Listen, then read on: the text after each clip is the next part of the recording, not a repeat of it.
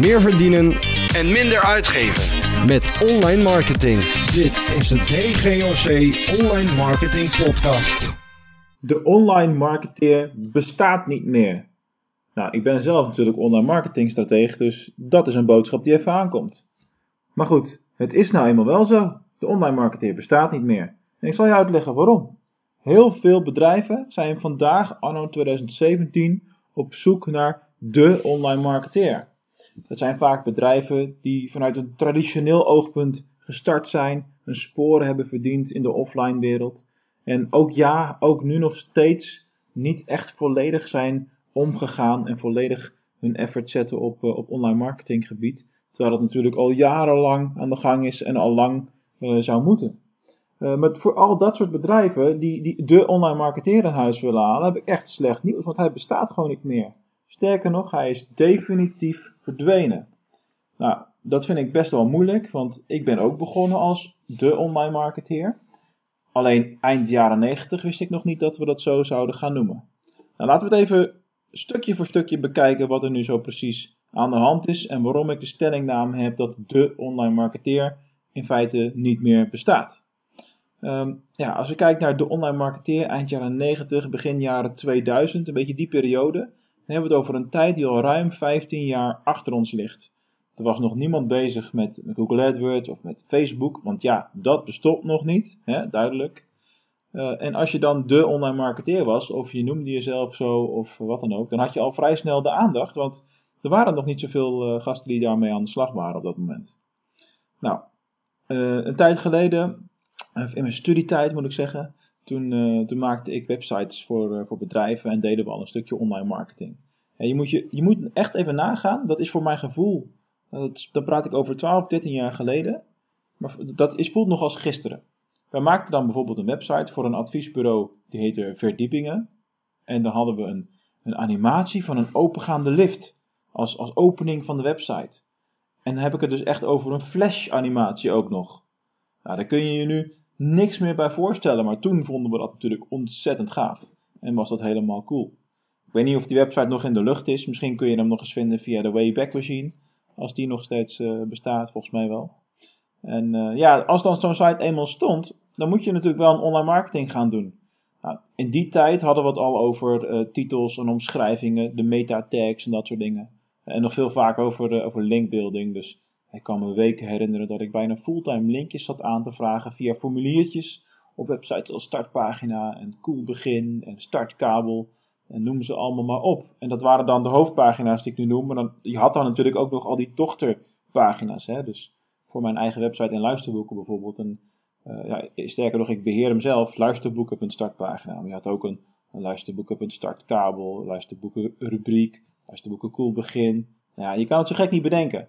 En met dat soort dingen was je bezig op dat moment. En ja, weet je, dus dat, dat, dat was een andere tijd. Het was een simpelere tijd.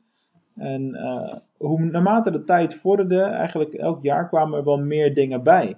Op een gegeven moment begonnen we met e-mail marketing.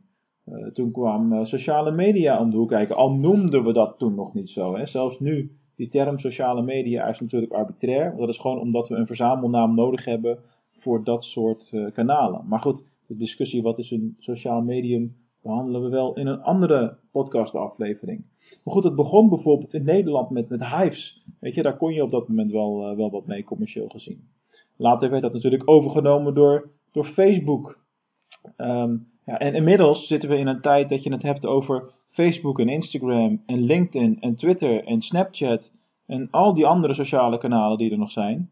Uh, ook als je kijkt naar een, een tool als, als, Google AdWords, weet je, dat begon als een super eenvoudige maak een tekstadvertentie tool aan. Uh, uh, en tegenwoordig, ja, het is een, een monsterlijk apparaat. Ik heb er een compleet boek over geschreven. Dat is niet eens een grapje, die ligt echt in de winkel. Hè, dus, dus je moet er zoveel van weten per vakgebied, per deelgebied tegenwoordig.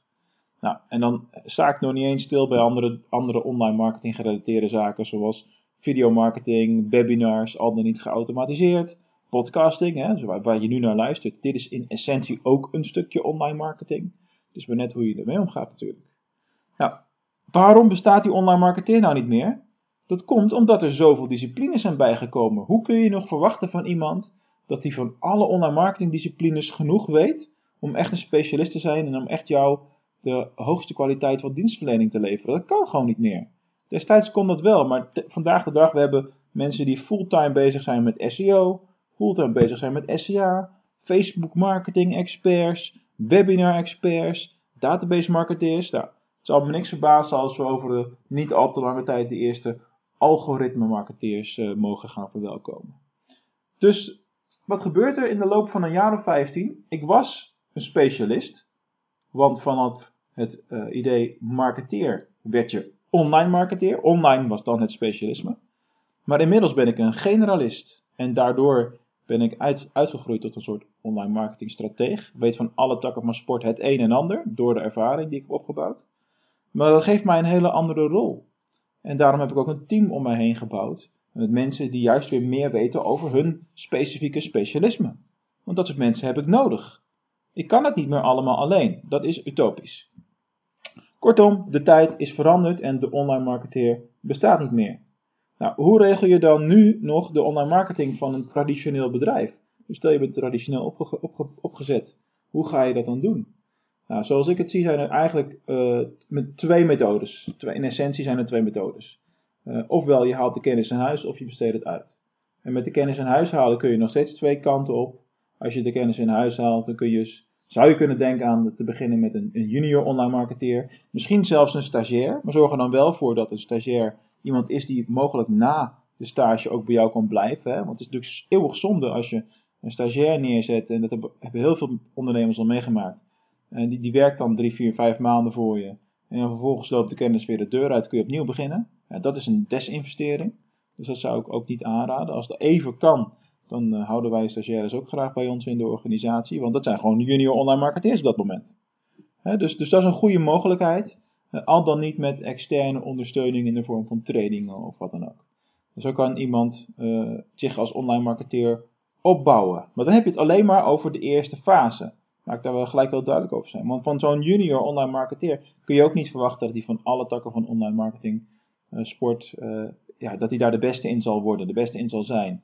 En als je als bedrijf online succesvol wil zijn, dan moet je wel de beste, met de beste mensen werken. En, en daarvan zijn er gewoon nog steeds te weinig. Zeker als je, stel dat vandaag ieder bedrijf wat nog niet veel aan online marketing doet, er nu mee, mee zou beginnen. Dan heb je een chronisch tekort. Dan zijn er gewoon te weinig mensen die daadwerkelijk al het werk zouden, zouden kunnen doen. Nou, doe uiteindelijk ermee wat je zelf wil natuurlijk. Uh, maar wees je ervan bewust dat als je met online marketeers aan de slag gaat, de online marketeer bestaat niet meer. Dus zorg ervoor dat je iemand hebt die ook met mensen om zich heen werkt, uh, of met een team werkt, of met freelancers of wat dan ook. Zodat je zeker weet dat binnen alle verschillende disciplines ook de, de takken van sport goed uitgevoerd kan, uh, kan worden. En wat je niet moet doen, want dat heb ik verder helemaal niet behandeld, is alles zelf willen doen. Dat is gewoon echt niet meer van deze tijd. Dat kan niet. Het kan niet. Je kan niet specialist zijn in je product, je hele bedrijf runnen en dan ook nog de marketing volledig alleen doen. Dat is gewoon niet meer uh, te doen. Daarvoor is het te, uh, te complex geworden.